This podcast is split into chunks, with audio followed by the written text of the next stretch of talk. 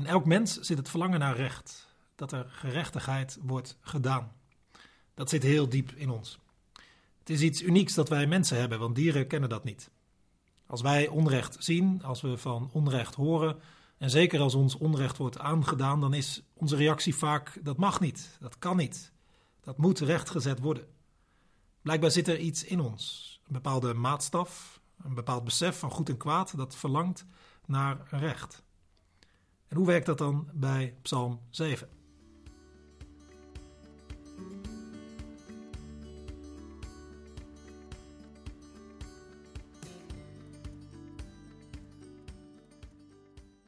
Nou, dat verlangen naar recht dat er zit, dat kan bij ons aangevuurd worden of uitgedoofd. We doven het bijvoorbeeld door weg te kijken. Of door ons maar niet te veel te laten confronteren met kwesties van onrecht. Zeker als we er zelf goed en comfortabel bij zitten, dan hebben we nogal eens de neiging om dat maar te doen. En erbij te denken of erbij te zeggen: Tja, het is niet anders. Of wat kunnen wij daar ook aan doen? En zeker als er zoveel andere dingen om onze aandacht vragen, dan kan in de drukte het verlangen naar recht zomaar uitdoven. Het verlangen naar recht kan ook aangevuurd worden. Het kan tot een brandende passie voor recht worden. De bidders van de psalmen die hebben zo'n passie voor recht. Zij kijken niet weg, ze berusten er niet in, ze blijven ermee bezig. Hoe dat komt? Nou, deze bidders leven dicht bij God, die ook een brandende passie voor recht heeft. Zeker de profetische boeken in de Bijbel laten dat elke keer weer zien. En dit verlangen naar recht heeft God ook in ons mensen gelegd. Wij die volgens het eerste Bijbelboek naar zijn beeld zijn gemaakt. En die bidders van de psalmen, die komen door te bidden, door het contact met God, weer dicht bij de kern, bij het ware mens zijn. En als wij bidden, de psalmen bidden, dan komen ook wij dichter bij dat ware mens zijn. Want bidden brengt ons dichter bij God en dus ook bij de God die een passie voor recht heeft. En als vanzelf zal dan ook in ons dat verlangen naar recht meer en meer ontbranden. Als je het liever allemaal wilt houden zoals het is, als de status quo je wel bevalt, als je geen gedoe wilt, ja, dan kun je beter geen psalmen bidden. En daarom, ergens, is het bidden van psalmen dus ook gevaarlijk. Voor je het weet, groeit in je het verlangen naar recht. Kun je bepaald onrecht niet meer hebben. Lukt het niet om weg te kijken, dan moet je er iets mee. Psalm 7 is zo'n psalm die ons meetrekt in een kwestie van recht en onrecht. En in ons het verlangen naar recht aanwakkert. Laten we deze Psalm 7 eerst maar lezen. Heer, mijn God, bij u schuil ik. Bevrijd mij van mijn vervolgers, red mij. Ze zullen mij nog verscheuren als leeuwen, mij meesleuren zonder dat iemand mij redt. Heer, mijn God, als ik iets misdaan heb, als er onrecht kleeft aan mijn handen, als ik goed met kwaad heb vergolden, of mijn belager zonder reden heb beroofd, laat dan de vijand mij achtervolgen, mij inhalen, vertreden en vertrappen in het stof, mij beroven van mijn eer en mijn leven. Sta op, Heer, laat uw toren ontbranden. Keer u tegen de razernij van mijn belagers. Kom mij te hulp, gebieder van het recht. Laat u omringen door de raad van de volken en bestijg hoog boven hen uw troon, Heer rechter van de wereld. Doe mij recht, Heer, ik ben onschuldig. Mij treft geen blaam. Roep de goddeloze een halt toe en wees de rechtvaardige tot steun. U die hart en nieren doorgrondt, bent een rechtvaardige God. God is het schild dat mij beschermt. Hij bevrijdt de oprechte van hart. God is een rechtvaardige rechter. Hij bestraft het kwaad elke dag. Maar de vijand scherpt opnieuw zijn zwaard. Hij spant zijn boog en legt aan. Hij richt zijn wapens om te doden. Zijn pijlen zijn schichten van vuur. Hij draagt verderf onder het hart. Zwanger van onheil baart hij bedrog. Hij delft een put en diept hem uit. Maar valt in de kuil die hij zelf heeft gegraven. Het onheil keert zich tegen hem. Het geweld komt neer op zijn eigen hoofd.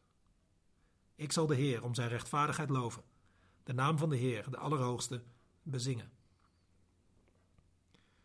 Als we Psalm 7 lezen, dan stuiten we op een situatie van iemand die te maken heeft met smaad en laster.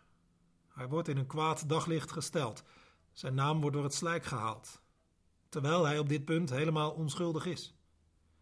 In de versen 4 tot en met 6 claimt hij zijn onschuld voor God. Mocht hij ook maar iets hebben misdaan, zo zegt hij tegen God, dan mag zijn vijand hem beroven van zijn eer en van zijn leven. Je zou kunnen zeggen, hij zweert bij zijn leven dat hij onschuldig is. Als wij zo op Psalm 7 lezen, dan doet ons dat denken aan al die mensen die nu kapot geroddeld worden in bepaalde gemeenschappen. Dan doet ons dat denken aan politici die voordat ze goed en wel begonnen zijn, al met lastencampagnes te maken hebben. Dat doet ons denken aan fake news. Dan doet dat ons denken aan mensen met goede bedoelingen, die echter met allerlei verdachtmakingen te maken krijgen.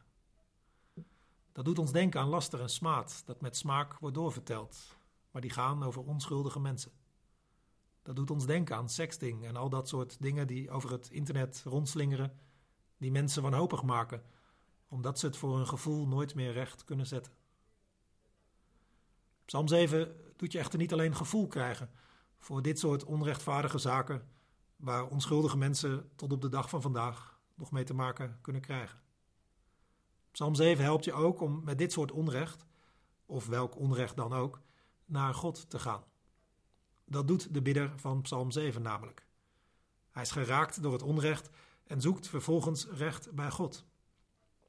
Hij neemt het recht niet in eigen hand, maar verwacht het van God. Bevrijd mij van mijn vervolgers, red mij, zegt hij in vers 2. Sta op, Heer, en kom mij te hulp tegenover mijn belagers, zegt hij in vers 7. In vers 8 vraagt hij God, de rechter van de wereld, recht te spreken. Doe mij recht, Heer, want ik ben onschuldig. God moet opstaan, ingrijpen, recht doen. Dat is wat deze bidder vraagt. Hij verwacht het dus niet van zichzelf op dit punt. En ja, hoe kun je ook laster zelf weer rechtzetten? Hij verwacht het ook niet van aardse instanties. Blijkbaar is dit een zaak die niet te bewijzen valt. Hij verwacht het van God. En in dringende bewoordingen legt hij zijn zaak voor aan God. Psalm 7 helpt ons om dat ook te doen. Als wij worden geconfronteerd met onrecht bij onszelf of bij anderen, bij mensen die dicht bij ons staan of ver weg zijn, bij al die soorten onrecht die door onszelf of andere mensen niet of nauwelijks meer recht te zetten zijn, omdat het leed al is geschied, dan geeft Psalm 7 ons woorden om het hogerop te zoeken, bij de Allerhoogste, zoals hij dat noemt in het laatste vers van de psalm. Om die Allerhoogste God te smeken om recht te doen. Voor onszelf, als we met laster, smaad, valse geruchten of roddels te maken hebben. Voor anderen, die we kennen, die onterecht door het slijk worden gehaald, die voortdurend negatief worden besproken. Maar ook verder weg, voor hele bevolkingsgroepen die stempels en stigma's krijgen nog voordat ze iets gedaan hebben. Of dat nu vluchtelingen, asielzoekers, zigeuners, joden of nog weer een andere groep zijn. Of in landen waar oppositieleiders bij voorbaat worden zwartgemaakt en geen kans krijgen om zich te verantwoorden. Al die situaties van laster, smaad, leugens die de wereld in worden geslingerd.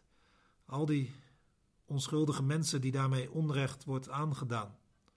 Individuele mensen of hele groepen.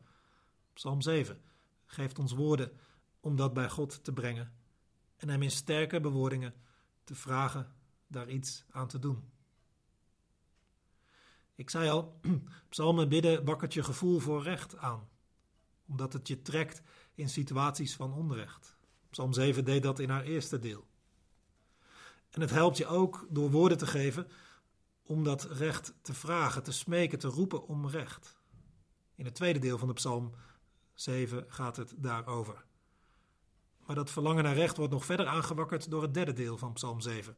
Daar wordt benoemd hoe bijzonder rechtvaardig God zelf is. Bijvoorbeeld in vers 11 en 12. God is het schild dat mij beschermt. Hij bevrijdt de oprechte van hart. God is een rechtvaardige rechter. En dat helpt. Als je dat werkelijk gelooft, daar ga je alleen maar meer van bidden. En bij God ben je met zulke gebeden om recht blijkbaar aan het goede adres. Want God is niet een onwillige rechter die eigenlijk geen zin heeft om zich met zulke lastige situaties bezig te houden. God is niet een onverschillig iemand die overgehaald moet worden om iets te doen. God is niet iemand die berust in hoe het nu eenmaal is. Nee, God is iemand die aan de kant staat van onschuldigen. God wordt bijvoorbeeld een rechtvaardige rechter genoemd. Maar het wordt duidelijk dat die God niet een onafhankelijk persoon is die ver weg staat. Nee, Gods rechtvaardigheid blijft niet hoog en verheven. Het wordt heel persoonlijk. God is het schild dat mij beschermt. Maar de straf van God op onrecht, dat is ook iets persoonlijks. God wijst het niet af in algemene bewoordingen, maar er wordt gezegd in vers 17: Het onheil keert zich tegen hem. Het onrecht, het geweld komt neer op zijn eigen hoofd. En in vers 16 was al gezegd dat de dader valt in de kuil die hij zelf gegraven had. God komt degene die onrecht pleegt achterna. Want God neemt het allemaal heel persoonlijk op. Ja, hij is een rechtvaardige rechter. Maar niet iemand die boven of buiten de zaak staat. Niet iemand die professionele distantie bewaart.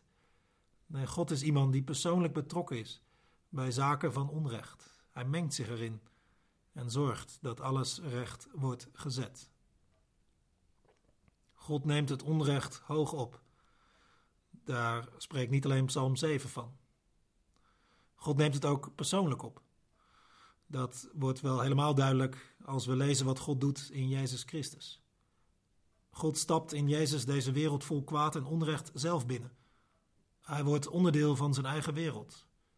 Hij wordt ook onderwerp van smaad, laster en kwaadsprekerij. Volkomen onschuldig was Jezus. En toch, het maakte hem stuk. De smaad, de leugens, de laster, de valse beschuldigingen, die deden hem uiteindelijk aan het kruis belanden. Jezus onderging al dat onrecht. En hij weet daarom ook wat het is om onrecht aangedaan te worden.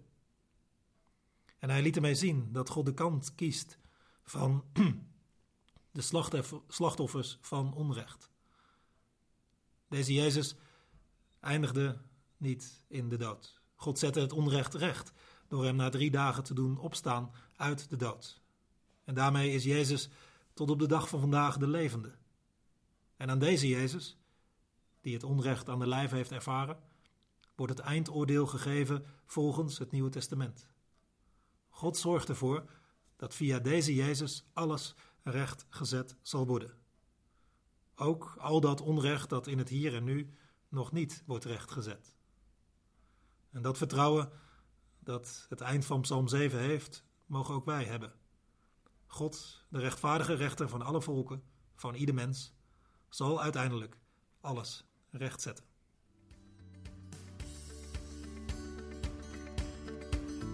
Bedankt dat je luisterde naar de Noorderlicht Rotterdam podcast. We hopen dat je er iets aan had deze keer.